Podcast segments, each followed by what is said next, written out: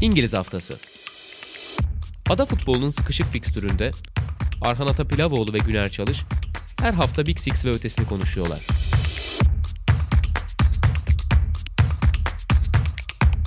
Statsbomb işbirliğiyle.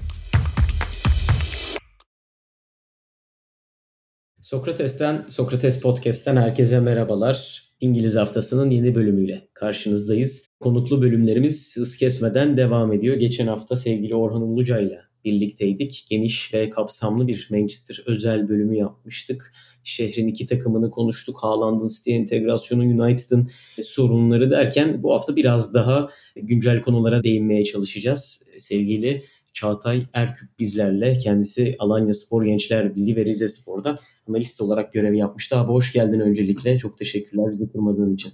Abi ben teşekkür ederim davet ettiğiniz için. Her hafta keyifli dinlediğim hani programa katılmak benim için de çok güzel oldu. Umarım dinleyiciler için de güzel olur. Sizle program, program yapmak güzel olacak benim için.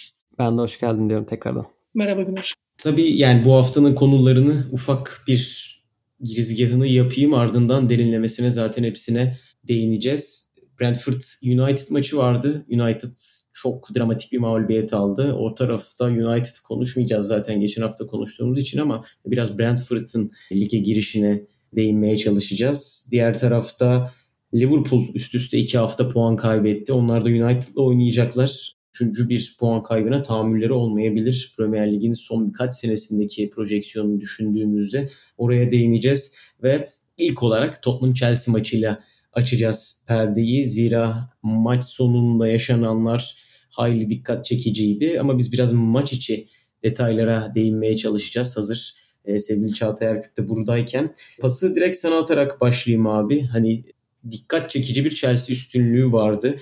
Conte de maçtan sonra bunu belirtti. E, takımın hani bir puan ayrıldığı için bir şeyler hak ettiğini ama Chelsea'nin biraz daha istediğini yapabilen taraf olduğundan bahsetti ki maçı izlerken bunu çok net bir şekilde görüyorduk. Burada bence Tottenham'ın en iyi yapabildiği şeylerden birisi Conte dönemi özelinde söylemeye gerek yok. Son birkaç senede en iyi yapabildiği şeylerden bir tanesi. E, Son ve Kane'in varlığıyla birlikte geçişleri çok iyi yönetebilmek ama bu geçişleri çok rahat bir şekilde yönetemediğini gördük. Topa sahip oldukları zamanlarda da istediğini yapamadığını gördük. E burada bence en kritik noktalardan bir tanesi Reece James son eşleşmesiydi. Muhtemelen bu James'in sona yapışması ve birebir onunla gittiği her yere gitmesi bu geçişleri çok rahat bir şekilde kurgulayamamasına neden oldu Tottenham'ın. Zira hani bir stoperle eşleşse bu kadar fiziksel olarak üstünlük kurabilirdi son muhtemelen ama burada James'e karşı hız açısından istediği alanları bulamadı. Bu dikkatini çeken noktalardan birisi miydi ve genel olarak en çok dikkatini çeken noktalar nelerdi? Açıkçası merak ediyorum. Abi çok iyi yerden girdin aslında. Yani James, Koulibaly ve hani Silva bu maç özelinde birebir savunmayı mükemmel oynadılar. Her seferinde Kane ve Son üzerinde bir dominasyon kurdular ve o bağlantıyı çok iyi kestiler. Yani onu kestikten sonra da başka bir geçiş hücumu etkinliği kalmadı Tottenham'ın. Hani Höberg de Bentancur da pek etkili değillerdi. Bundan dolayı abi yani Tottenham her oyun kurmasında kaç tarafa verdi topu ve sekenleri hepsini toplayan Chelsea yani zaten %70'e falan yakın bir toplu oynama vardı ilk 30-35 dakika. Yani ilk 10 dakika aslında çok iyi başlamıştı iki takımda. Ben hani Tottenham birkaç tane doğru baskı yapmıştı özellikle 3. 5. dakikalarda ama yani ondan sonra devamlı bir eşleşme sıkıntısı yaşadılar Chelsea her oyun kurmaya başladığında. Ya bu da bu sefer yani Kante ile Mount'tan birinin hani o hani blok arasında çok rahat topla buluşmasını sağladı ve Chelsea kolay hücumlar yapmaya başladı bu, bu şekilde. Son ve Kane üzerinden gelirsek yani etkisiz olmaları bence hani Tottenham'ın nasıl diyeyim yani hiçbir şey üretememesine neden oldu. Yani zaten ikisi bence çok yani en önemli hücum güçlü zaten Tottenham'ın hani bunu kimse tartışmaz. E bunlarla da etkili olamayınca Tottenham, Tottenham için pek kolay bir maç olmadı açıkçası. Yani Conte açıklamasında gayet haklı yani hani o bir puan gerçekten veri nimet gibi bir şey onlar için buradan aldıkları böyle bir derbi, derbiden. Ya sen bağlantılardan bahsettin ki benim de dikkatimi çeken noktalardan birisi oydu. Genelde evet biz hücum üçlüsü olarak görüyoruz Chelsea'nin üçlüsünü ama Mount burada biraz daha iç olarak yani hücumdayken evet yakınlaştı. Üçüncü oyuncu oldu. Ama top Chelsea'deyken genellikle Havertz Sterling ikili bir baskı vardı. Mount biraz daha içeri girdi. Kante ile birlikte orta sahadaki baskıyı yönlendiren taraftı. Ve Jorginho'nun tamamen geride bekleyerek baskıya çok fazla gitmediğini gördük. Bence bu önemli detaylardan birisiydi. Çünkü böylece hem Kulüşevski Bentancur arasını koruyabildi ve bu sebepten dolayı aynı zamanda Højberg stoper arasına girip top almaya çalıştı ve orta sahada bir üstünlük yaratabildi böylece Chelsea. Günür abi burada sana döneyim. Bu bağlantılardan biraz bahsettik Chelsea'nin topsuz oyunu iyi kurguladığından. Toplu oyunda dikkatini çeken bir şeyler var mıydı? Sanki Loftus-Cheek'in sıklıkla iç koridoru kullandığını ve hani Reece James'in sağ stoperden fazlaca bindirme yaptığında gördük diye düşünüyorum. Sen aklımızı okuyorsun galiba. ben de yani maç için ya maçla sah- saha ile alakalı bir şey söyleyecek olsam oradan girecektim. Benim de dikkatimi özellikle Loftus Cheek'in performans çekti aslında. Ve bence hani belki daha objektif bir bakış yapmak gerekebilir. Yani sağ, sayıları falan kontrol etmek gerekebilir ama sanki sağ kenarı da zaten çok daha fazla kullandı Chelsea maç bu maç boyunca diye düşünüyorum. Yani o taraftan çok etkili geldiler ve hani işin savunma tarafında sen James'ten bahsettin. Hücum tarafında da gerçekten Loftus Cheek'in bence önemli katkısı vardı. Daha sonra zaten oraya bu sefer Reece James geçtiğinde de yine oradan bence daha etkili oldular çok ciddi biçimde. Yani katılıyorum. Orada bir önemi var ama bence şunu da söylemek lazım. Yani her ne kadar Chelsea topa daha fazla sahip olan takım olsa ve hem sizin söylediğiniz hem de işte Conte'nin söylediği gibi oyunu daha iyi kontrol eden, daha çok istediklerini yapan taraf Chelsea olsa da bence Chelsea'de toplu oyunda o kadar fazla pozisyon üretemedi aslında. Özellikle ilk yarı için de söyleyebiliriz bunu. Yani %70'e varan oranlarda topa sahip oldu. Hatta sanıyorum ilk yarı böyle bitti. Ama yine yanlış hatırlamıyorsam mesela ilk yarının sonunda Chelsea'nin işte beklenen gol verisi 0.35 ya da 38 gibi bir şey olması lazım. Tottenham'da sanıyorum 0.2 idi. Hani baktığında hani Kolibali'nin golü de aslında bir hani duran toptan gelen ve çok hani biraz oyuncunun becerisiyle yani volesiyle gelen bir gol. Yani Chelsea ne kadar oyunu kontrol etse de Tottenham'da bence olanları iyi kapadı açıkçası. Ve hani şunu da söylemek lazım. Mesela Tottenham oyunun bu şekilde dönmesine daha alışık veya bu oyunu daha iyi oynayabilecek bir takım. Atıyorum topa %30 sahip olan takım işte Liverpool olsaydı biz gerçekten işlerin çok kötü gittiğini söyleyebilirdik Liverpool için ama Tottenham'ın zaten biraz daha alışık olduğu Conte'li Tottenham'dan bahsediyorum ve biraz daha iyi yönetebileceği bir durum olduğunu düşünüyorum bunun. Hatta şöyle bir adım öteye götüreyim. Hani Conte'nin çok kazanan bir hoca olduğunu ve işte sonuna kadar her zaman mücadele ettiğini söylüyoruz. Bu maçta zaten bunun iyi bir örneği oldu. Hani o anlamda da bence belki işte Mourinho'nun doğal varisi olarak görebiliriz. Hani bir önceki 10 yıla atıf yaparsak e, zaten Mourinho'nun gittiği takımların devamında gitmesi de bence bunun iyi bir göstergesi olabilir. Chelsea'de Mourinho gitti. Bir süre sonra Conte geldi. İşte aynı şeyi şu an Tottenham için söyleyebiliriz. Yani aslında o oyunu oynatmak isteyen takımlar var. E, Mourinho artık o oyunu bir noktada çok iyi beceremiyor. Daha sonra Conte gelip bunu gerçekten başarıyor gibi bir durum oluyor. Hani Tottenham'ın geçtiğimiz sezonlarda da bunu gördük. Liverpool ve Manchester City'ye karşı bozan oyunu çok iyi oynayabilen bir takım. Ve bu maçta da hani özellikle İspanyolların Guardiola'nın falan da söylediği bir tabirdir. İşte protagonist ve antagonist diye maçın bir kahramanı olur bir de anti kahramanı olur. Hani bu maçın kahramanı net olarak Chelsea'ydi. O kesin bir şey. Ama o anti kahraman rolünü de çok iyi oynayabilen bir takım bence Tottenham ve Antonio Conte. O anlamda da iyi bir örnek verdiler diye düşünüyorum. Yani her ne kadar onlar için işler çok iyi gitmemiş gibi gözükse de aslında bizim bir noktada biraz alışık olduğumuz bir Tottenham diye düşünüyorum. Hani o anlamda çok da kötü sayılmaz onlar için. Abi bu aslında şeyden bahsettik. Reece James, Loftus Cheek özelinde. Bir detayda bence orada sonun koşamadığı yerlere Sesenyon'un hani James'in derine indiği anlarda Sesenyon'un oraya koşmasıydı. E, bunu zaten bir ara denedi Tottenham. Oradan da çok fazla istediğini bulamadı. O can sıkıcı noktalardan birisiydi bence Tottenham adına. Chelsea'de de Güner abi bahsetti. Hani yapıda evet toplu oyunda istediğini pek yapamadı. Topsuz oyunda istediklerini gerçekten sahaya sürdü. Tottenham'ı paralize ettiği sekanslar izledik. Tamam ama toplu oyunda da hani bahsettiği gibi çok çok verimli olamadı. Verimli olamamasını sen neye bağlıyorsun? Burada tabii ki değişen bir yapı var. Lukaku'nun eksikliği daha doğrusu onu hiçbir şekilde geçen sezon kullanamama, Werner'in ortadan denklemden çıkması derken e, değişen bir hücum yapısı var. Ben toplu oyunda da Chelsea adına en çok dikkat ettiğim detay şu olmuştu. Havertz ben Davis eşleşmesi. Genellikle oradaki fizikselliği hani Romero ve Daira gitmektense e, Havertz Davis'le biraz oynamaya çalıştı. Oradan bir şeyler yaratmaya çalıştı.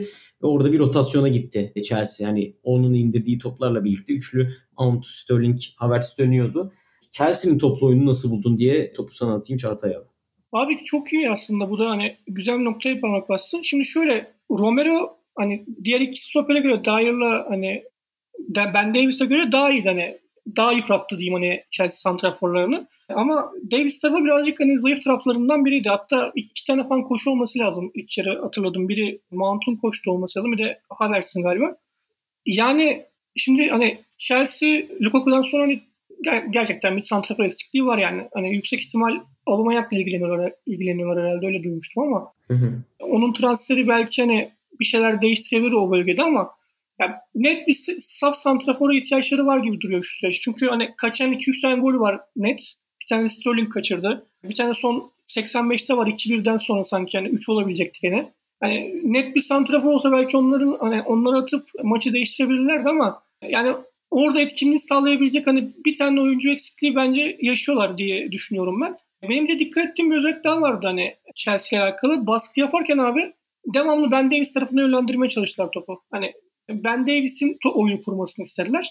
Yani bu da genellikle kötü sonuçlandı. Hani Ben Davis çoğu topu ya taca gönderdi ya uzun vurdu. İkinci topların hepsini Jorginho topladı. Bu da oyun kurmasını bayağı engelledi Tottenham'ın. Ya ben hani gelecekle alakalı hani Tottenham'la alakalı şunu söyleyebilirim. Hani bu stoper tandemiyle belki sıkıntı yaşayabilirler ileride. Hani Davis oynamaya devam eder mi bilmiyorum. Hani Conte ne düşünüyordur bu konuda ama şimdi Chelsea yerine ya da Liverpool düşündüm. Çok kolay bir maç olmayabilir bu Tottenham için bence bu sefer. Öyle düşündüm birazcık kendi açımdan. Ya bir de Chelsea'nin toplu oyunla alakalı dikkatimi çeken şu oldu benim. Abi Sterling, Havertz hani devamlı o bağlantıyı hani sağlayamasalar da çok karıştırdılar orada. Yani Mount, Kante her zaman bir boş alan buldu orada kendine. İşte Loftus hani Güner çok iyi söyledi. Yani Loftus Cheek'in de sağ tarafta oynaması daha bir efektiflik kattı. Ama yani gene de bir set oyununda bazı sıkıntılar yaşadılar yani. yani bunu da ben birazcık Santrafor'a bağlıyorum şahsen. Yani o Santrafor olsa belki daha farklı olabilir diye düşünüyorum. Bence düzen bozucu bir oyuncu yok orada. Ya şeyi hatırlayın bu İspanya milli takımı Fabregas'ın en önde olduğu. Yani oyunu kontrol etmeye çok yatkın bir takım. Ama yani sadece son vuruş yapacak oyuncu anlamında da değil. Yani bir driblingçi olabilir çok orayı karıştıracak bir oyuncu profili olabilir. Sanki biraz onun eksikliğini çekiyorlar gibi. Yani mesela bence Havertz öyle bir oyuncu değil. Yani çok yetenekli falan tamam okey. Ama bence mesela Mount pek öyle değil. Yani daha sanki oralara düzen bozucu karıştırıcı bir oyuncunun varlığı daha etkili kalabilir gibi geliyor bana Chelsea. Chelsea öyle düşünüyorum açıkçası. Bir de bana şöyle sen bunu bahsederken şu aklıma geldi. Şimdi Chelsea hücum attı. Evet Raheem Sterling yeni bir ekleme ve golcü bir oyuncu. Ama Şimdi kanat bekleri önemli bir yer tutuyor Chelsea'nin hücum hattında. Özellikle Reece James'in kanadından pek çok kez takımın hani orada Loftus-Cheek de olsa James de olsa hücumları şekillendirdiğini biliyoruz. Liverpool'da da bekler çok fazla önem arz ediyor. Evet yoğunluk katayıyorlar, topa sahip oluyorlar bu şekilde ama oradaki ön üçlü Liverpool'da çok golcü bir üçlüydü geçtiğimiz yıllarda. Hı hı. Chelsea'de şu an öyle çok golcü bir oyuncu yok.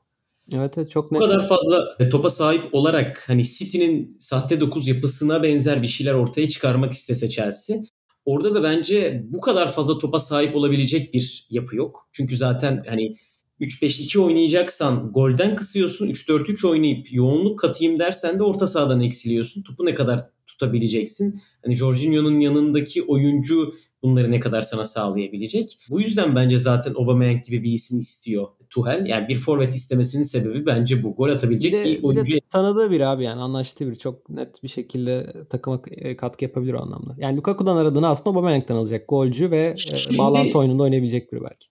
Ben onu soracaktım aslında. Bağlantı oyunu nereye kadar oynayabilir Aubameyang? Sonuçta Arsenal'da yapamamasının, daha doğrusu Arteta'nın Lacazette tercihi hem topsuz oyundaki oyuncunun pres gücüydü. Aubameyang'dan bunu alamamaya başlamıştı. Hem de bağlantıyı görece daha iyi yapıyordu Aubameyang'a karşı. Ya yani Aubameyang'ı tanımlarken ben bağlantıdan ziyade geniş alan oyuncusu olarak nitelendiririm. Doğru. Sizce ne kadar o oyuncu Aubameyang bu kadar ısrar ettiğine göre? Çok kısa konuş. Çağatay'a bırakayım istersen. Şeyi söyleyecektim sadece. Yani Tuhal mesela onu zaten forvet yapan oyuncu yanlış bilmiyorsam. Yani Klopp döneminde kenarda kullanılan bir oyuncuydu. Onu forvet yapıp yani merkeze atan zaten Tuhal'di. Hani o anlamda da kafasında bir şeyler vardır diye düşünüyorum. Hatta galiba yine Klopp'un sözüydü. Yani ben onu hiçbir zaman merkezi kullanmayı düşünmemiştim gibi. Çünkü açık alan oyuncusu olarak görüyor belli ki. Yani onun aralarında iyi bir ilişki olduğunu düşünüyorum. Oyuncu antrenör anlamında. O açıdan da istemesi çok normal geliyor. Öyle değil. Ben Günler'in dediğini hiç düşünmemiştim. Ya. Çok mantıklı geldi bana Aubameyang'ın hani istemesi Tuval'in. Ya ben bağlantı açısından hani yani Lukaku bence dünyanın en oyuncularından bilmiyorum siz ne düşünüyorsunuz. Yani o bile bir sıkıntı yaşadıysa yani aslında Arhan çok güzel bir şey söyledi. Yani bu düzende sıkıntı yaşayabilir, yaşayabilir bir santrafor. Hani bağlantı olacaksa bu sefer skor yapması gereken yerde olmayabilir. Yani nasıl diyeyim bir pozisyon eşleşme sıkıntısı yaşayabilir belki.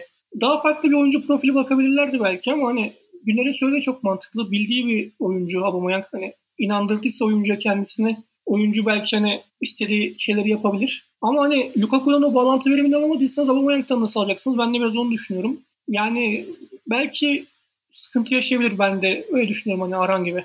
Bence bir de Lukaku'nun biraz hani bilinen bir şeydir zaten United döneminde de aynı şeyi yaşadı. Hani ilk dokunuşunun kaba olması, biraz daha tekniğinin sınırlı diyeyim olması belki problemdi. Aubameyang çok öyle bir oyuncu değil. Yani belki tam arada bir bağlantı oyuncusu değil ama yani gol atan ve hani diğer takım arkadaşlarını da bir şekilde oyuna sokabilen yani illa çok iyi bir işte saatte 9 gibi bir şey olması gerekmiyor belki ama şu an zaten sanıyorum Sterling'den biraz almaya çalıştı da o. Yani hani biraz gol katkısı olacak ama biraz da takım arkadaşlarını oyunda tutabilecek ve hani savunma arkasına koşular da atabilecek bir oyuncu. Yani Aubameyang muhtemelen bunu daha iyi gerçekleştirecek biri ki ben zaten açıkçası Sterling yani bilmiyorum siz ne düşünüyorsunuz ilk alındığında kenarda kullanılır diye düşünüyordum. O anlamda da merkeze kullanılması da mesela bence biraz sürpriz. Ee, bana da sürpriz geldi çünkü kenardan gelerek ceza sahası içerisinde etkili olabiliyor. Üstüne üstlük kendini unutturmasıyla da meşhur bir oyuncu. Arka direkte vesaire. Şimdi burada direkt merkezde ilginin odağında olduğunda sıkıntı yaşayabilir diye düşünmüştüm. Ki yaşamıyor da değil bence. Ama merkezde Havertz'i kullanmamasının nedeni bence bu maç özelinde biraz Davis eşleşmesiydi. Bilmiyorum gelecek haftalarda nasıl bir şey göreceğiz. Bir de siz hani konuşurken şu aklıma geldi. Biraz sanki Sarri, Higuain, Aubameyang, Tuhel. Hani yaşları biraz ilerlemiş. Yani bir forvet arayışı var. Ve evet. e, bildiği oyuncuya gidiyor. O hissiyatı verdi bana. Aynen. Tabii piy- piyasa dar bir de muhtemelen. Yani işte Tuhel'in aradığı 9 numara kim olabilir ki? Yani o kalitede. Belki de yok. Yani o yüzden de dediğim gibi bildiği adama Aslında gitmesi... kirada bir oyuncuları var ama. Kimden bahsediyorsun? Lukaku'dan. ama tabii işte ondan anlaşamadılar. Hiç, hiç anlaşamadılar ama ya. Yani herhalde Lukaku'nun şu an deselerken işte yani iki katını vereceğiz. Gel gelme gitmez herhalde yani. Hiç mutlu değildi çünkü yani açıklamalarıyla kendi hani oyun içindeki davranışlarıyla Hı hı. Ya çok çok kötü bir son oldu orada. Inter'le de arası bozuldu, Chelsea'yle de arası bozuldu falan. Gerçekten kötü bir sezon oldu. Bugün Paul Manson galiba demişti Ronaldo Chelsea çok iyi uyar falan diye de öyle bir şey olabilir mi sizce böyle son güne doğru? E, yok ya o şey kulüp başkanı hatta önermiş Tuhal'e de böyle bir şey var. Alalım mı? Alayım mı sana Ronaldo falan gibi. şey var benim bildiğim kadarıyla ama herhalde istemedi Tuhal. O çok alakası. Zaten bakınca uzaktan çok derinine inmedikçe Ronaldo her takıma uyacakmış gibi hissediyorsun. Ya 20 gol yani gol ihtiyacı Abi, olan her takıma gidermiş gibi geliyor da biraz derinlemesine düşününce de neden bu kadar fazla kulüp aradığını anlamak çok e, güçleşmiyor.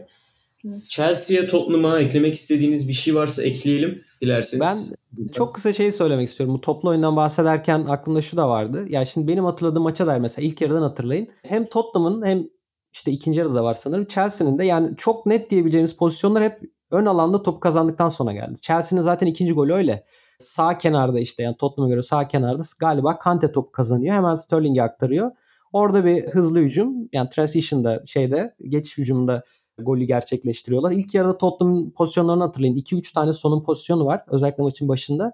Orada da hemen ön alanda yapılan baskı sonucu. Yani aslında her iki takımın da birbirini bence bozamadığı ve bozabildiği anlarında işte ancak o ön alanda top kazandıktan sonra gerçekleştiğini düşünüyorum. Yani set hücumda, set hücumlarında her iki takım da çok başarılı değildi aslında. Bunun işte bir sebebi Chelsea'nin oyunu çok iyi kontrol edebilmesi. Söyledik yani toplu oyunda gerçekten çok iyiler ve hatta bana biraz e, bu anlamda şey hatırlatıyorlar. İtalya milli takımını e, son Avrupa Şampiyonası'ndaki. Yani merkez çok güçlü olan o geride üçlü önündeki ikili orta sahanın çok güçlü oldu ve oyunu bence çok iyi kontrol edebilen ama zaman zaman buna rağmen de toplu oyunda bence sıkıntılar yaşayabilen yani yaratıcılık anlamında sıkıntılar yaşayabilen bir takım Chelsea.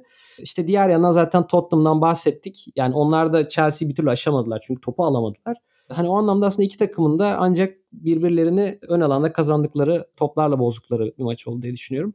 Ama tabii diğer yandan da rekabet düzeyinin çok yüksek olduğu bir maç oldu. İstersen orayla kapatalım. O kavgadan ve iki takım arasındaki rekabetten. Yani aslında maç sağ içinden de ziyade o sağ kenarındaki gerginlik de sanıyorum e, maça bir tırnak içinde keyif kattı. Hani çok da görmedim şeyler artık eskisine eskisiye kıyasla.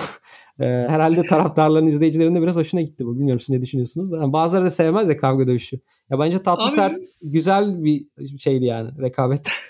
Ya ben tabii. Kavgaya gelmeden önce sadece bir şey eklemek istiyorum. Senin o dediğin ikinci golde şeyine Chelsea'nin sonun orada bir hatası var aslında. Hani Sterling'i boş Sterling onun adamıydı o içeride. İyi daraltmıştı aslında alanı ama orada e, ikiye bir bırakmak zorunda kaldı Davis'i. Bu arada orada dörtlü savunma gibi oynadı biraz Tottenham. Hemen golün ardından değiştirdi orada sonu. Peris Çal tekrar bir beş savunma yaptı Conte. Bir de ekstra bir şey daha eklemek istiyorum. Bu duran topu hatta Hrant da paylaşmış Kolibali'nin duran toplarını. Abi gol attıktan sonra iki tane daha pozisyon verdi Tottenham. Bir de 48. dakikada dakikada bir taç organizasyonları vardı. Herhalde Chelsea bu sene bu duran top organizasyonu göreceğiz gibi geliyor ya. Hani güzel yapmışlar. 3-4 tane vardı bugün farklı şeyler. O maçta pardon. olabilir. Bence Tottenham'dan da Tottenham'dan da görebiliriz. Onlar da şeyle anlaştı. İsmini unuttum. E, Gianni ile anlaştı. Duran toplarda. İtalya milli takımından gelen adam mıydı? Evet evet. E, milyonlarca duran top hmm, organizasyonu olan İtalya milli takımında. O da etkili olabilir. Ben hani bu son şunu söyleyeyim oradan sağ dışına geçelim. Bence bu sezon hani Liverpool'dan gördük zaten 2'de 2 puan kaybıyla başladılar. Evet City şu ana kadar kaybetmedi ama kaybetmesi muhtemel zamanlar gelecek. Bence bu sezon bu Big Six arasındaki maçlar çok değerli olacak. Orada puan kaybetmek can sıkıcı olabilir.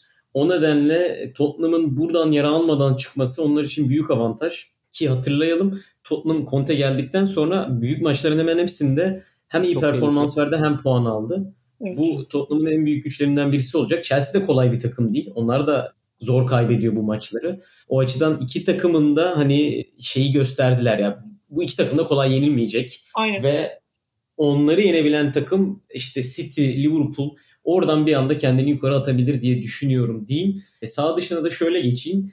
Şampiyonlar Ligi finalini hatırlıyor musunuz Tuhel'in City? City Chelsea Şampiyonlar Ligi finali. Tuhal inanılmazdı o maç. Yani yedek kulübesinde almıştı maçı. Hani bazı maçlar vardır ya sabaha kadar oynasan e, olmaz diye. Chelsea gerçekten o maçı alacağını bence Tuhel'in azmiyle vesaire belirtmişti. Guardiola bunlara çok fazla tepki gösteren bir hoca değil. Tepki gösterirse de genellikle içinde yanına giderek çok büyük dramatik şeyler söyleyerek gösteren bir hoca değil. Ama Conte de tam tersi. Yani Conte'nin yanında o kadar fazla aksiyon gösterirseniz Conte'den de genellikle karşılığını alıyorsunuz. O yüzden ben maç genelindeki tansiyonu zaten pek düşmemesini biraz Tuhal'in hareketlerine bağlıyorum ama bu bence hocanın kullandığı bir şey. Oyuncuların çok fazla ateşlemek için bu tarz topsuz oyunun çok kritik olduğu maçlarda pres düşüncesini, mentaliteyi yukarıda tutabilmek ve konsantrasyonu yukarıda tutabilmek için hani kenarda böyle bir figürün olması değerli oluyor. Ama işte dediğim gibi Conte'de aslında çok benzeri yani. Aynen, daha iyi Üstadı diyelim hatta. Abi çok güzel bir yere hani geldim. Şimdi şöyle Liverpool Dortmund maçı var hatırlıyor musunuz? 4-3 Liverpool kazanmıştı Lovren'le. Kulübün bir gol sevinci vardı dördüncü golden sonra gidip Tuval'in önünde böyle bir yumruk şov yapmıştı. O maçta aslında 3-1 olduğunda Tuval gidip böyle bayağı bir Klopp'a böyle hani psikolojik bir bir şey yapmaya çalışmıştı ama orada işte Klopp var. Hani aslında yapması gereken adam var, yapmaması gereken adam var bence Tuval'in bunları. Hani evet, Conte işte yani Klopp, Conte gibi adamlara denk geldiğinizde yani yani şimdi mesela bu maç hani Tottenham'ın sahasındaki maç bence daha da gergin olacak bana bana kalırsa. Bilmiyorum siz ne düşünüyorsunuz? Ya olabilir. Bir de şöyle geçmişine gideyim çok kısa. Hatırlarsınız 2016'daki maçı belki hatta maçın bir adı da var artık. Battle of Bridge diye. 2016'da işte Mayıs ayında sezon sonunda oynanıyor. Leicester City'nin şampiyon olduğu sezon. E, o sezonda Tottenham'ın gerçekten şampiyonluğa çok yaklaştığı bir sezondu. E, şampiyon olmaya en yakın olabileceği sezon oydu yakın dönemde. O maçı 2-0 öne geçiyor Tottenham. 2-2 bitiyor. Chelsea'nin de çok iddiası olan bir maç değil. Ve böyle bayağı kavga dövüş falan oluyor. Hatta işte o yüzden Battle of Bridge diye e, daha sonra isimlendiriliyor maçta. Yani böyle Chelsea'nin biliyorsunuz o işte Gerrard'ın ayağının kaydığı falan maç da var. Yani böyle bir karşısındakini bozan bir tavrı da var. Oradan gelen böyle bir yakın dönem rekabetleri de var açıkçası. Ha baktığında ikisi de Londra takımı ama aslında yani Tottenham'ı biliyorsunuz esas rakibi şeydir. Yani Arsenal'dır yani. yani Kuzey Londra. Ama Chelsea'nin böyle bilendiği bir takım oldu son dönemde Tottenham. o anlamda da enteresan gerçekten. Yakın dönem rekabet. Yani Türkiye'de de şey vardı ya böyle Bursa Beşiktaş işte şu anda böyle böyle Rize Galatasaray falan. Böyle nereden çıktığını tam anlayamadığım bir şey küçük çaplı rekabet gelişti orada da. Bence onun da biraz gerginliği olabilir yani. Conte de zaten biliyorsun işte eski Chelsea hocası falan. Öyle yani enteresandı cidden. Bayağı gergin bir maçtı. Güzeldi ama ya. Benim hoşuma gitti. Yani. Şeyler dedim. Hani Wenger'le mesela Mourinho da bir ara kavga etti ya. Onun mesela geçmişini biliyoruz. Hep birbirine zaten laf atan insanlar. Yani, yani. araları iki takım veya işte iki hoca arasında böyle geçmişleri olmasa bu kadar gerilmeleri de çok yükselmeleri kolay değil gibi geliyor bana. Hani o anlamda da biraz geçmişi olan bir eşleşme. Onu da söylemek istedim sadece. Evet. Ya bence bu biraz da aslında gerçekten savaşa dönüyor. Yani şu açıdan söylüyorum. Arteta'nın Klopp'a belki gereğinden fazla bir çıkışı vardı hatırlarsanız. Geçen sene. Enfield'da oynanan maçta takımını biraz gaza getirmek için Klopp'a doğru yürümüştü ama tam tersi olmuştu. Tam tersi Bence hocalar bunu biraz planlayarak düşünüyor ama o biraz riskli bir kumar karşıdaki hocaya göre değişen bir şey. Diyelim e, Tottenham Chelsea'yi kapatalım. Buradan hazır Enfield Klopp demişken de Liverpool'a gelelim. E, sen Twitter'da da paylaşmıştın abi hatırlıyorum. E, Liverpool'un Palace maçına dair birkaç görüntü. Tabii şimdi 2'de 2 ile puan kaybı yapmak Premier Lig standartlarında çok can sıkıcı bir şey. Bu takımlar hani City'de Liverpool'da zaten toplasam 5 maçta puan kaybı yaşıyorlar. Liverpool hızlı bir şekilde bu kayıpları yaşadı. Bu bence tolere edilebilecek bir şey. Çünkü Guardiola'nın güzel bir sözü var.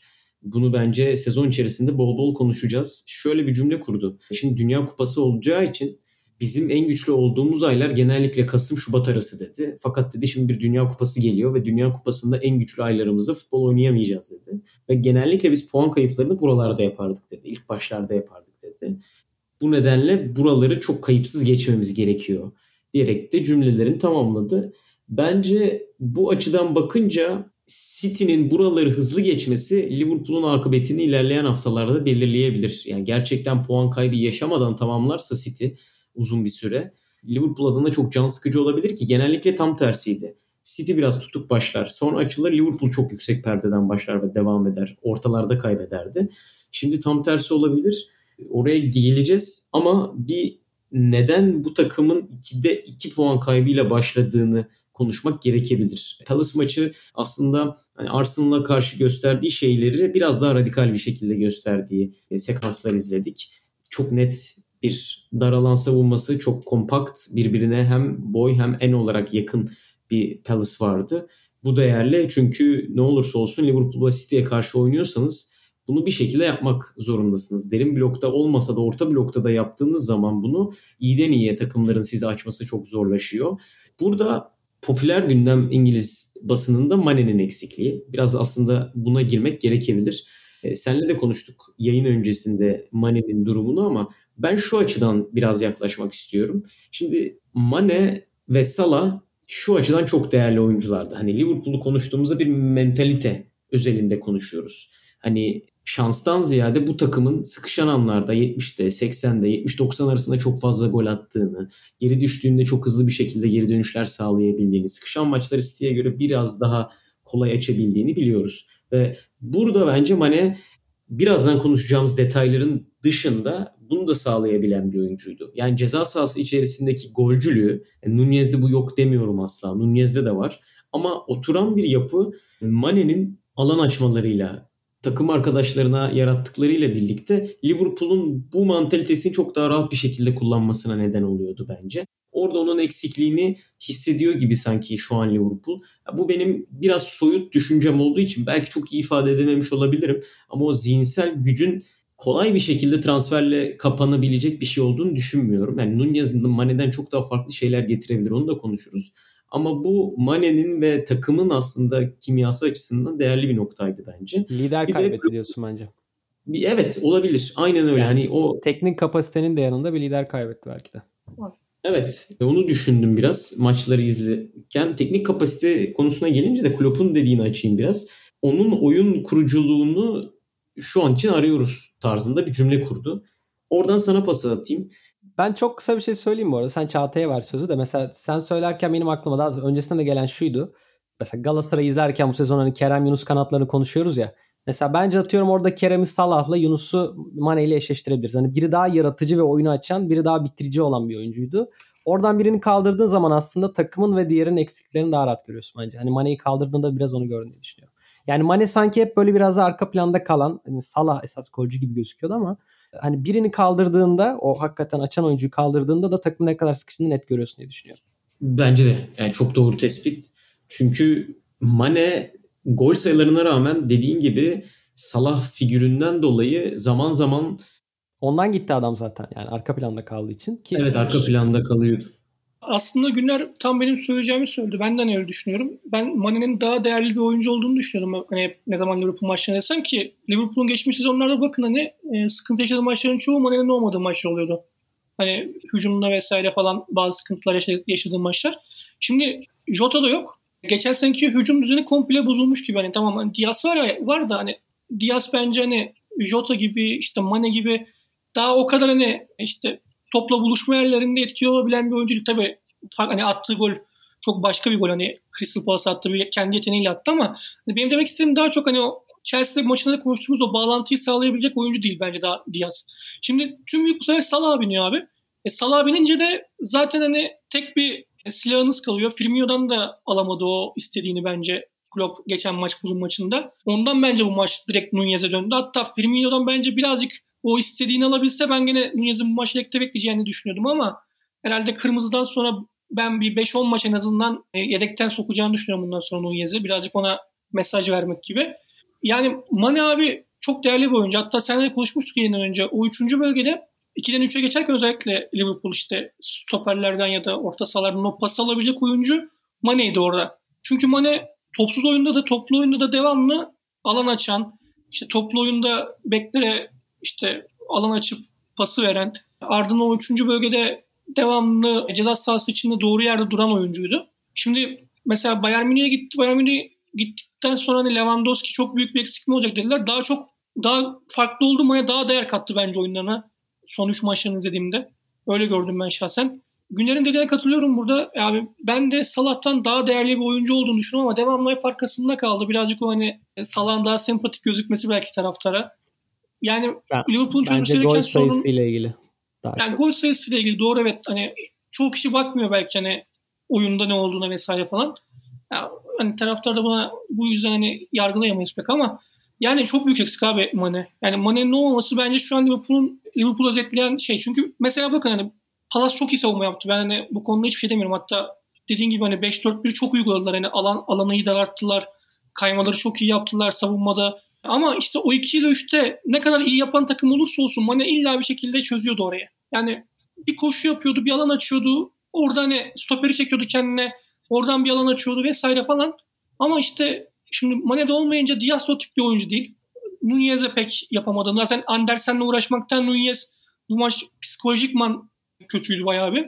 Yani mesela City maçında sonradan girdikten sonra Fulham maçında sonradan girdikten sonra çok işine yaradı mesela hani Liverpool'un. Devamlı hani geldi topu aldı vesaire falan ama Andersen'i dövmek lazım burada. Çok iyi analiz etmiş Nunez'i. Devamlı başındaydı. Mental olarak da çok iyi onu aşağı çekti. Bu sefer tüm yük Salah kaldı. Salah tetkisiz hale geldi.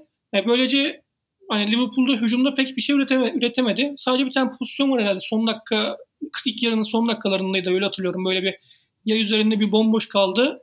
Vurulmuştu Liverpool oyunculardan biri. Onun dışında bir pozisyon hatırlamıyorum öyle net bir. Zaten iki golle Diaz'ın bireysel yeteneğinden geldi.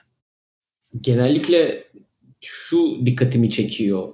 Yani City maçlarını izlediğimde, Liverpool maçlarını izlediğimde zaten rakipler tamamen alanı daraltıp sizi işte yapmamanız gereken şeylere yönlendirmeye çalışıyor. Bu yanlış açılan kenar ortaları olabilir, uzaktan denilen şutlar olabilir veya geride bırakılan geniş alanlar olabilir.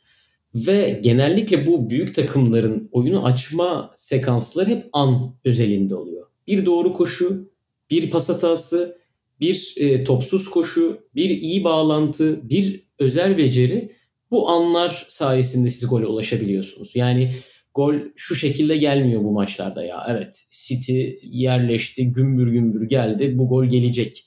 Evet tabii ki bu gol gelecek hissiyatına kapılıyorsunuz. Ama o golün gelmesi hep küçük anlarla, bir küçük konsantrasyon kaybıyla yaşanan şeyler. Ve bu her ne kadar içgüdüsel olarak golcülerde, koşucularda olsa da örneğin Haaland'ın West maçı bunun en güzel örneklerinden birisiydi. Bir topsuz koşuyla attı, penaltıyı aldırdı. Fakat bu biraz da oyuncuyu tanımakla alakalı oluyor. Yani siz Mane'nin o topsuz koşuyu yaptığında Henderson'ın içeri kat edeceğini biliyorsunuz. Ya da Salah'la bağlantı yaptığını e, yapabileceğini biliyorsunuz. Bunların da biraz zaman alan şeyler olduğu aşikar. O yüzden hani Mane'nin oradaki varlığı sadece oyuncunun becerilerinden ziyade Klopp'un sisteminde çok uzun süredir bu işi icra ediyor oluşuyla da açıklanabilecek bir şey bence. E, bu yüzden Nunez'in tıpkı Haaland özelinde söylediğim gibi Fulham maçında ya da Community Shield maçında bir anda oyuna girdikten sonra nasıl saf golcülük özelliklerini göstermesi Liverpool adına çok önemliyken ya da keza aynı şekilde West Ham maçında Haaland'ın yaptıkları aynı şekilde bu da oyuncuların defektleri olabiliyor. Bu yüzden buraları hani City'ye bağlayacağım biraz ama Haaland çok üst düzey performans göstermezken buraları kayıpsız geçiyor olmak City için çok büyük bir avantaj. Çünkü hani İngiliz medyasında şey konuşuldu bu hafta. 8 kere topla buluştu. Bence City için mükemmel bir haber bu. Çünkü ilerleyen haftalarda 8 bir, kez bir şey söyleyeyim Daha komik bence. Benim de bu haftanın istatistiği kendi adıma. iki pas yapmış Haaland son maçta. Biri sant ya Abi bence biraz işte asist- iki Biraz evet bir asist, iki pas, ikisi de İlkay'a, biri Santra'da veriyor, biri de zaten asist. İki pası var toplam. Asist oluyor. Aynen. keşke hep öyle olsa yani Acayip, bir oyuncu için. acayip bir veri yani gerçekten. Ya işte hani iki, iki pas yaparken oyuncu geçen hafta gösterdikleri West Ham maçında gösterdikleri ya da City hala kazanmaya devam ediyorsa e bir de oyuncu 25 pas yaptığında ne olacağı konuşabiliriz ilerleyen haftalarda. Bence bu e, önemli bir güç City ve işte Liverpool adına. Evet. Abi işte bence Klopp geçen maç o yüzden Firmino ile başladı bence. Hani Kat, en azından o dediğin çok güzel bir şeydi. Bilen birinin olmasını istedi aslında orada ama işte Firmino o katkıyı veremedi. Yani o da belki gitmek istiyor bilemiyorum. Hani o da rolünden belki memnun değil. Hani zaten bayağı bir çıktı bu yaz transfer bayağı kendisi hakkında ama kaldı bir şekilde takımda. E şimdi Jota da yok abi. Kalmak istiyormuş Jota'nın bu arada. olmaması da- Açıklama yaptı hatta. Kalıyorum Kalmak falan. istiyormuş. Evet evet. Ya, Bence oyuncunun kendi biraz form düşüklüğü var. Bir de sanıyorum çok fazla değişiklik onu da etkiledi. Çünkü çok özel bir rolü oynuyor diyor neticede. Kesinlikle abi. Çevresindeki oyuncularla da ilişkili neticede. Biraz bence onunla ilişkili. Çünkü baktığınızda hani Firmino, Mane, Salah özelinde o üçlü iyi olduğunda Firmino devamlı onlara Besleyen adam. hani Mane ile Salah bir yere tıkandığında besleyen oyuncular aynen geliyordu alan açıyordu. Topu tutuyordu bazen onlara veriyordu ya da işte stoperlerden birini kendine çekiyordu oradan bir alan yaratıyordu onlara hani koşu koşular için vesaire. Ama yani Liverpool hücum hattını çözdüğünde muhakkak sonuç almaya başlayacaktır bir şekilde ama savunmada da sıkıntı var bence. Hani Nathaniel Phillips niye onu tercih etti bilmiyorum Gomez varken. Abi facia bir oyun oynadı yani. En az 2-3 tane Zaha'nın arkasında kaçtığı pozisyon var ki golde ya muazzam hani yani topsuz oyunun nasıl oynanır bir santraforu her şeyini gösterdi. Orada ilk önce bir kademede de gibi durdu iki tane stoperin arasından ardından arkaya sarkmada zayıf olan oyuncuyu seçti. Phillips'i seçti ve onun orasından koştu. Eze de müthiş bir pas attı. Karşı karşıya da müthiş bir bitiricilik yaptı.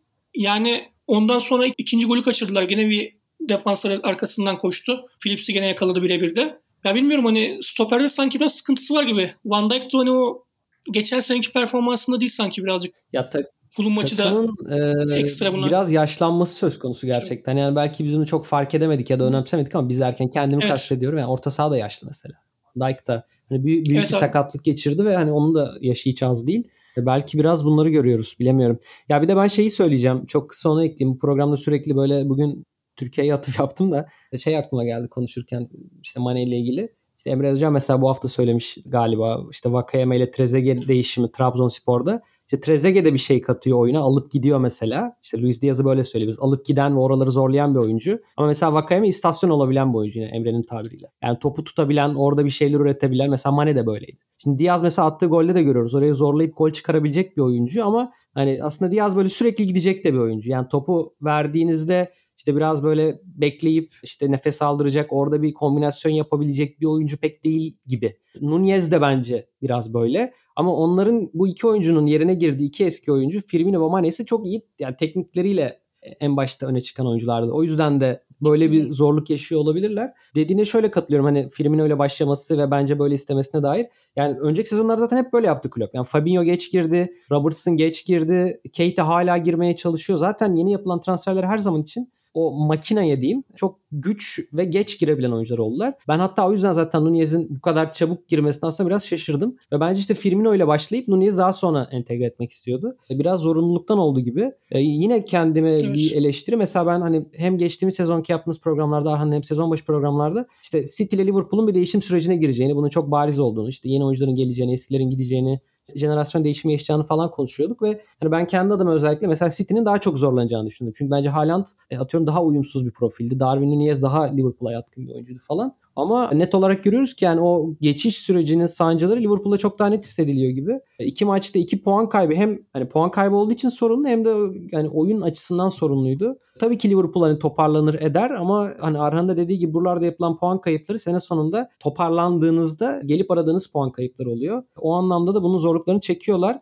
Ben de sizin söylemeklerinizi bir de ek olarak orta sahayı söyleyeyim. Bence problemlerden biri de, biri de orta saha gibi gözüküyor. Yani hani yaşlanan, aksayan, yavaşlayan diyeyim. Çünkü mesela ön at aslında e, hani tamam şu an oturmadı ama biraz fişek gibi diyeyim. Yani Diaz da öyle, Nunez de öyle, Jota da öyle, işte Salah öyle falan. Ama sanki orta saha biraz artık yavaşlıyor veya ağırlaşıyor gibi. İşte belki oraya gelecek gençler, Elliot gibi, Carvalho gibi oyuncular belki bir tık orayı e, canlandırabilir veya işte bir sonraki transfer orta saha olabilir ki belki size görmüşsünüzdür. İşte Bellingham'ın bir hedef olduğu falan söyleniyordu. Bu sene olmasa bile hani Liverpool'un belki bir sonraki yapacağı büyük para transferi belki Jude Bellingham olabilir. Hani oraya belki takviye düşüneceklerdir. Çünkü sanki problem biraz oradan da kaynaklanıyor gibi geliyor bana açıkçası. Çünkü hani Liverpool her zaman için hem orta sahadaki üçlüsü hem forvetteki üçlüsü hem savunma dörtlüsü hani İngilizce'de bir tabir vardı ya parçalarının tamamından daha fazla eden bir durum. Yani 1 artı 1 artı 1 eşittir 3 etmiyor Liverpool'da 5 ediyor mesela. Bu hani Mane, Salah, Firmino üçlüsü için kesinlikle, kesinlikle geçerliydi.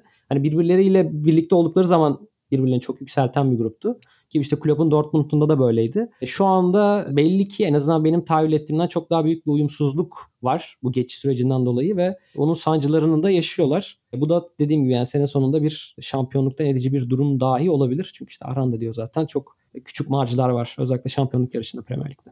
Evet. Ben son olarak siz konuşurken aklıma gelen bir şey ekleyeceğim. Bu şekilde kapatalım Liverpool'u. Bence bu sene Nunez ve Diaz'ın etkili olabileceği en iyi alanlar, geniş alanlar.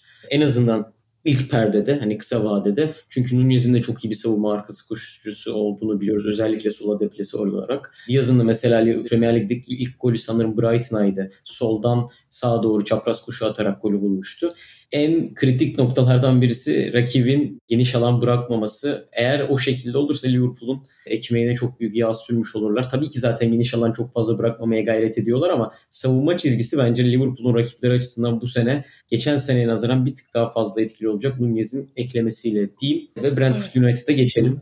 4-0 çok çarpıcı. Yani tabii ki bazı şanssızlıklar var. De Gea'nın yediği gol onlardan bir tanesi. Duran top onlardan bir tanesi. Savunmadan çıkarken kaptırılan top onlardan bir tanesi ama bunları şanssızlık olarak görmekten ziyade bence iki farklı şekilde görebiliriz. Bir zaten bunlar United'ın sıkıntıları. Geriden topla evet.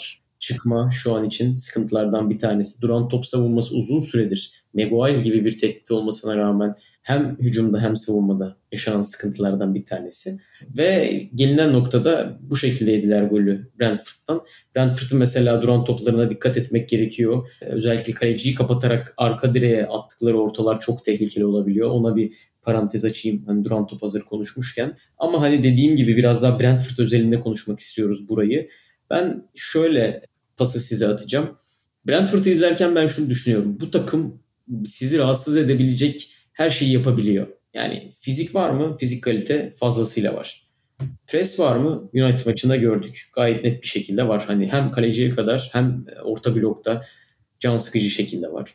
Duran top var mı? Hani oyun güzel akışta giderken siz oyunu kontrol ettiğinizi düşünürken bir anda duran toptan gol çıkartabiliyorlar mı? Çıkartabiliyorlar. Taçtan gol çıkartabiliyorlar mı? Çıkartabiliyorlar. Korneri zaten az önce söyledim. E kontra atak tehdidi var mı? Kontra atak tehdidi de var genellikle hani bu tarz takımlara dişçi koltuğuna oturtma örneği verilir ya. Belki direkt dişçi koltuğu gibi gelmeyebilir ama eğer o fiziksel teması siz de fiziksel olarak karşılayamıyorsanız ya da toplu oyunla teknik kapasiteyi yukarı çıkartamıyorsanız yani ya yoğunluk ya teknik kapasite koyamıyorsanız Brentford deplasmanından çıkmanız da çok kolay olmayabilir ilerleyen zamanlarda. Ki ben maçı izlerken en çok onu dikkat ettim. Öyle size pası atayım. United hem teknik kapasite ortaya koyamadı hem de işte Ivan Toni, Lisandro Martinez ile birlikte fiziksel kapasiteyi de istediği kadar yukarı çıkartamadı. İki açıdan da çok sıkıntılı geçen bir maç yaşamasına neden oldu bence bu. Kim başlasın? Çağatay başlasın. Biz çok biz ben çok konuştuk United abi zaten. Biraz seni konuştum. Abi United ya ben de aynısını söyleyecektim Aran'la. kendisi için bir özet goller yayınladı. 30 dakikada 35 dakikada kendisi için özet goller yayınladı. Merkezdeki ilk gol zaten tamam DG'nin hatası var ama Da Silva'nın o kadar boş, boşta kalması Fred'in eşleşmeyi yanlış yapması orada. E, merkezdeki sorununu gösterdi. İkinci gol nasıl oyun kuramadılar hani işte onu doğru baskı yaptı şimdi orada Brentford hani Brentford'un hakkında yemedim ama yani abi ben hani bu tip pozisyonlarda ya uzun oynanmasına eminim. Çünkü baktığında hani Chelsea'de, Tottenham'da yani artık Liverpool bile baktığında bazen baskı geldiğinde abi oynuyor uzun. Yani burada orada orta sayı zorlamak yerine yani vur abi uzun, uzun yani o öyle düşünüyorum ben şahsen. Yani e, üçüncü gol duran toptaki zafiyetlerini gösterdi. E, son golde hani bir duran top dönüşüydü galiba. Oradaki geçişi ne kadar kötü yaptıklarını gösterdi. E, yani United yüksek ihtimal hani Liverpool maçında sadece kendi maçını izlese yeterli bence. Yani Liverpool'dan çok kendini düzeltmeye yönelik bazı şeyler yapmalı bence. Abi Brentford'a gelirsek yani Aran'ın dediği gibi yani mükemmel hani yani mükemmel bir yapılanma. Bu sene yaptıkları transferler mesela Aaron 2'yi aldılar. Bence çok iyi bekleme. Geçen sene ben çok beğeniyordum Bologna'da. Orada solda oynuyordu ama hani hocaları geldiğinden beri sağda oynatıyor. Çünkü Rico Henry var sol bekte. Henry de çok değerli bir oyuncu. Ben Wolsol'daydı galiba. Wolsol'dan beri izliyordum onu. Sonra Damsgaard'ı aldılar şimdi. Şey Aston Villa istiyordu ben de ben... oradan hatırlıyorum da Aston Villa'nın eski hocası da Wolfsburg hocası. Oradan muhtemelen bir bağlantı var. Doğrudur yani. Ben de öyle hatırlıyorum. Hani daha Wolves o zamandan belliydi zaten böyle iyi bir hücumcu bek, iyi bir hani İngil İngiltere'nin iyi bir sol, sol beklenen biri olacağını görüyorduk orada. Damsgaard'ı ben çok beğendim. Hani Danimarka milli takımında çok kişi tanımıştır geçen seneki Euro turnuvasında. Orada yaptığı doğru baskıları kesinlikle Brentford'da da hani hocasının istediği gibi yapacaktır. Hani yani Strakoşko'yu aldılar yedek, yedek kaleci olarak. Yani kötü bir kaleci değil Strakoşko'da yani baktığında. Hani gerektiğinde Raya e, yerine oynayabilecek bir kaleci o da. Yapılanma olarak aslında hani herkesin örnek alabileceği bir kulüp. Yani United'ın da bence örnek alabileceği bir kulüp yapılanma olarak. Abi United yani nasıl çözecek bu işi bilmiyorum. Yani daha Ronaldo gibi bir problemleri var kendilerinin. Bilmiyorum. Güner'e paslayayım ben de burada. Ya United'ın içinde bulunduğu karmaşaya dair her hafta yeni bir örnek bulabiliyoruz. İşte geçen hafta konuştuğumuzda Arnautovic demiştik. Ben bu hafta bu şeyi izledim. Match of the Day mesela programında şöyle bir yorum yaptı Alan Shearer. Dedi ki yani Arnautovic ismini kulüp içinden birinin ortaya attığına adım gibi eminim dedi mesela. Yani bir atalım bakalım tepki gelecek mi? Türkiye'de de olur ya öyle böyle sızdırırlar falan. Ee, hani tepki gelmezse ya alırız işte hani bununla çözeriz gibi falan. Hani forvet açıkları var ya. e, yani böyle olduğunu eminim dedi mesela. Bunu söyleyen de Alan Shearer. Yani böyle bir kulüp. Hani geçen hafta böyle bir fiyasko vardı. Mesela bu haftaki fiyasko bence açıkçası Eriksen'in en derindeki orta saha oyuncusu olarak oynamasını söyleyebiliriz. Yani geçen hafta yalancı 9 oynayan adam bu hafta işte 6 numara gibi yani De Jong'un yerine düşünülen oyuncu gibi oynamaya çalıştı. Çünkü e, yani Ten Hag'ın istediği çok spesifik bir oyun biçim var ama United da buna son derece uzak elindeki oyuncu profilleriyle.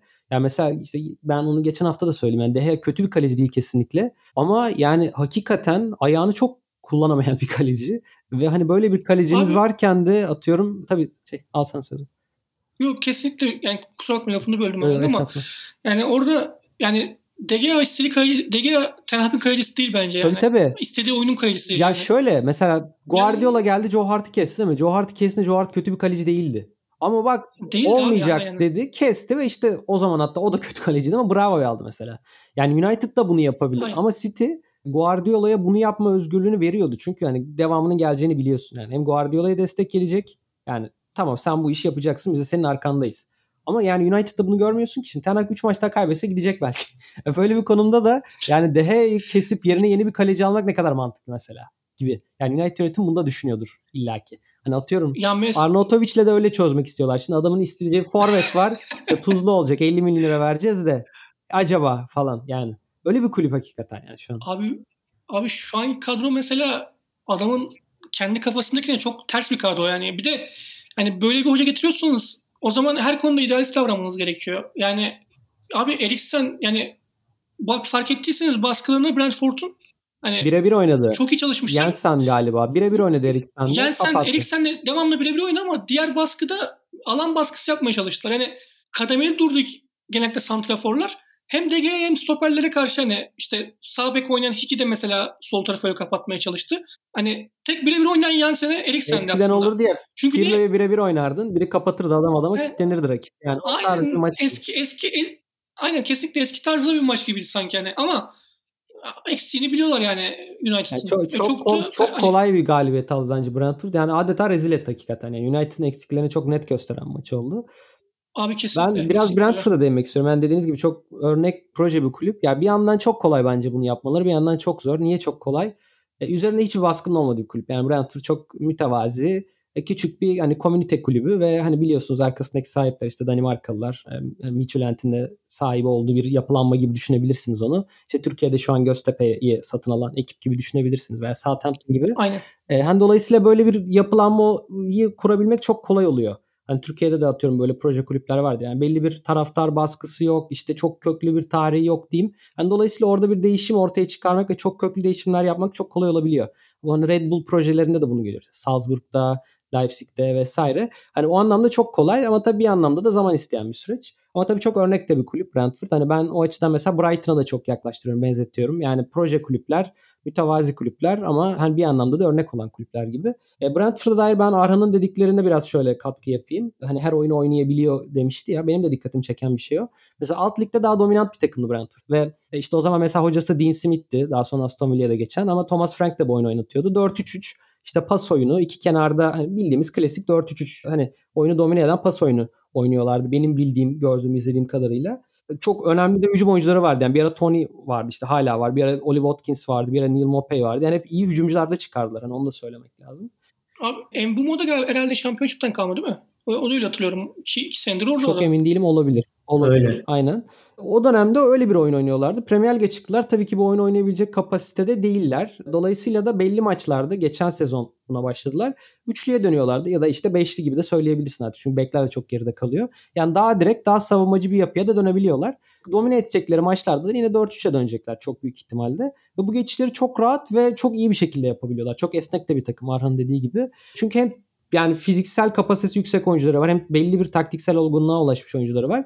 Biraz bence teknik beceri eksikliği vardı. İşte geçen sene özellikle zaten Eriksen'in gelişi bu katkıyı yapmıştı. Yani takım bir anda yükseltmişti. Ve e, hatta bir ara işte ligden düşüyorlardı hemen hemen. Eriksen'in gelişi o e, katkıyı yapmıştı. Bu sene belki hani sen Çağatay veya Aran sen oradan katkı verebilirsin. Yani Damsgaard'ı belki Eriksen'in verdiği katkının bir benzerini vermek üzere almış olabilirler. Tabi bu hemen bir senede olacak bir şey değil ama yani oyunlarını biraz da o şekilde yaratıcılık kattıkları zaman veya işte bu üçlüye geçtikleri maçları biraz daha azaltabildikleri zaman diyeyim yani daha dominant bir oyuna geçebildikleri müddetçe e, daha ileriye gidecekler diye düşünüyorum. Hani şeyi de fark ettim. Fiksürleri de çok rahat. Önümüzdeki 3-4 hafta hakikaten çok iyi kolay rakiplerle oynayacaklar. Yani kolay diyeyim dişlerine göre rakiplerle.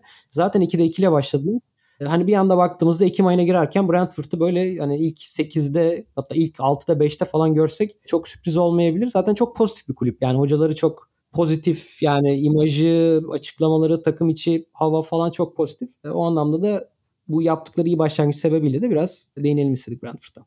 Mesela şey de unuttuk. Lewis Potter'ı da aldılar Hull'dan. Doğru yani. doğru. O da iyi oyuncu. Aynen öyle. Aynen öyle. O da mesela ileriki süreçte yüksek ihtimal takıma oturacaktır. E ben son bir, bir kez bir şey daha söyleyeyim. Onu son, ondan sonra arana vereyim. Yani duran top konusunda bir hani ders veriyorlar herkese yani öyle diyeyim.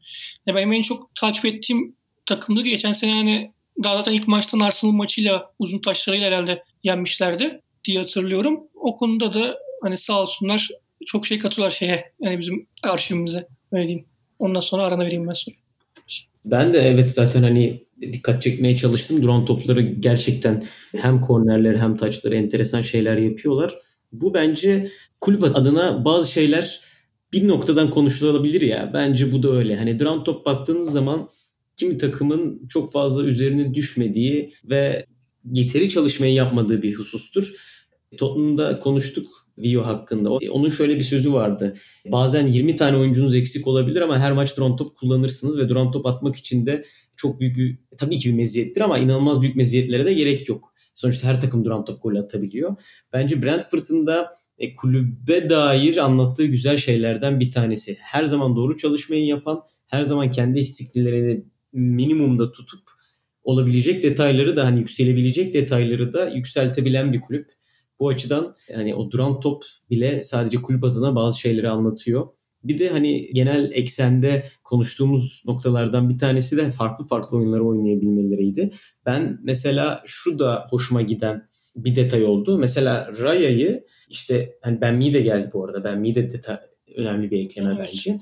Ben Mi açıldı, Rasmussen açıldı. Ya da Yanson açıldı. Raya orada üçüncü oyuncu oldu. Bu sadece kaleciyi kullanmak hani bizde genellikle şey açısından değerlendiriliyor. Kaleciyi oyuna dahil etmek sadece kısa pas özelinden değerlendiriliyor ama hayır Raya uzun topları iyi kullanabilen bir kaleci.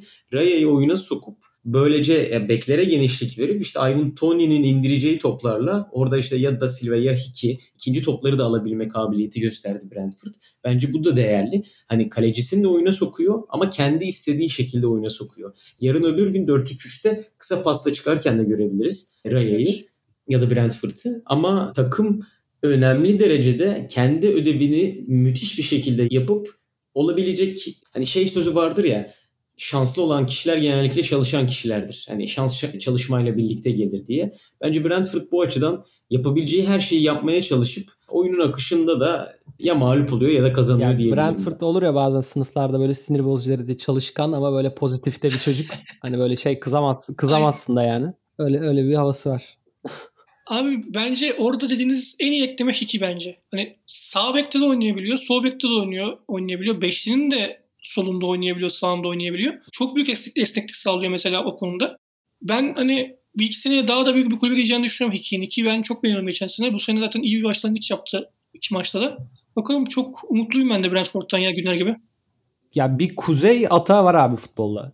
Yani şey anlamında da var. Yani sadece futbolcu kalitesi anlamında falan söylemiyorum. Böyle bir ekol oldu. Danimarka milli takımının zaten çıkışını biliyoruz. Hani bir yapılanma anlamında da işte dediğim gibi o Midtjylland'deki yapılanma işte mesela şu an Aston Villa sportif direktörü de mesela Kopenhagen'dan gelme atıyorum. Hani oradan gelen bir şeyler de var. Zaten tamamı kuzeyli yani Brentford'un çok ciddi bir kuzey etkisi var. Hani gelen oyuncular da kulübün yöneticileri falan da. Belki yani bir yer onda konuşmak lazım Aran başka bir bölümde veya başka bir yerde falan. O da benim dikkatimi çeken bir şey. Son bir herhalde 10-15 yılda kuzey ülkelerinin futboldaki çıkışı diye söyleyebilirim. Yani Brentford biraz o yönden de bakabiliriz açıkçası. Evet yani mesela dün Kopenhag'ı izledik. Taş gibi takım.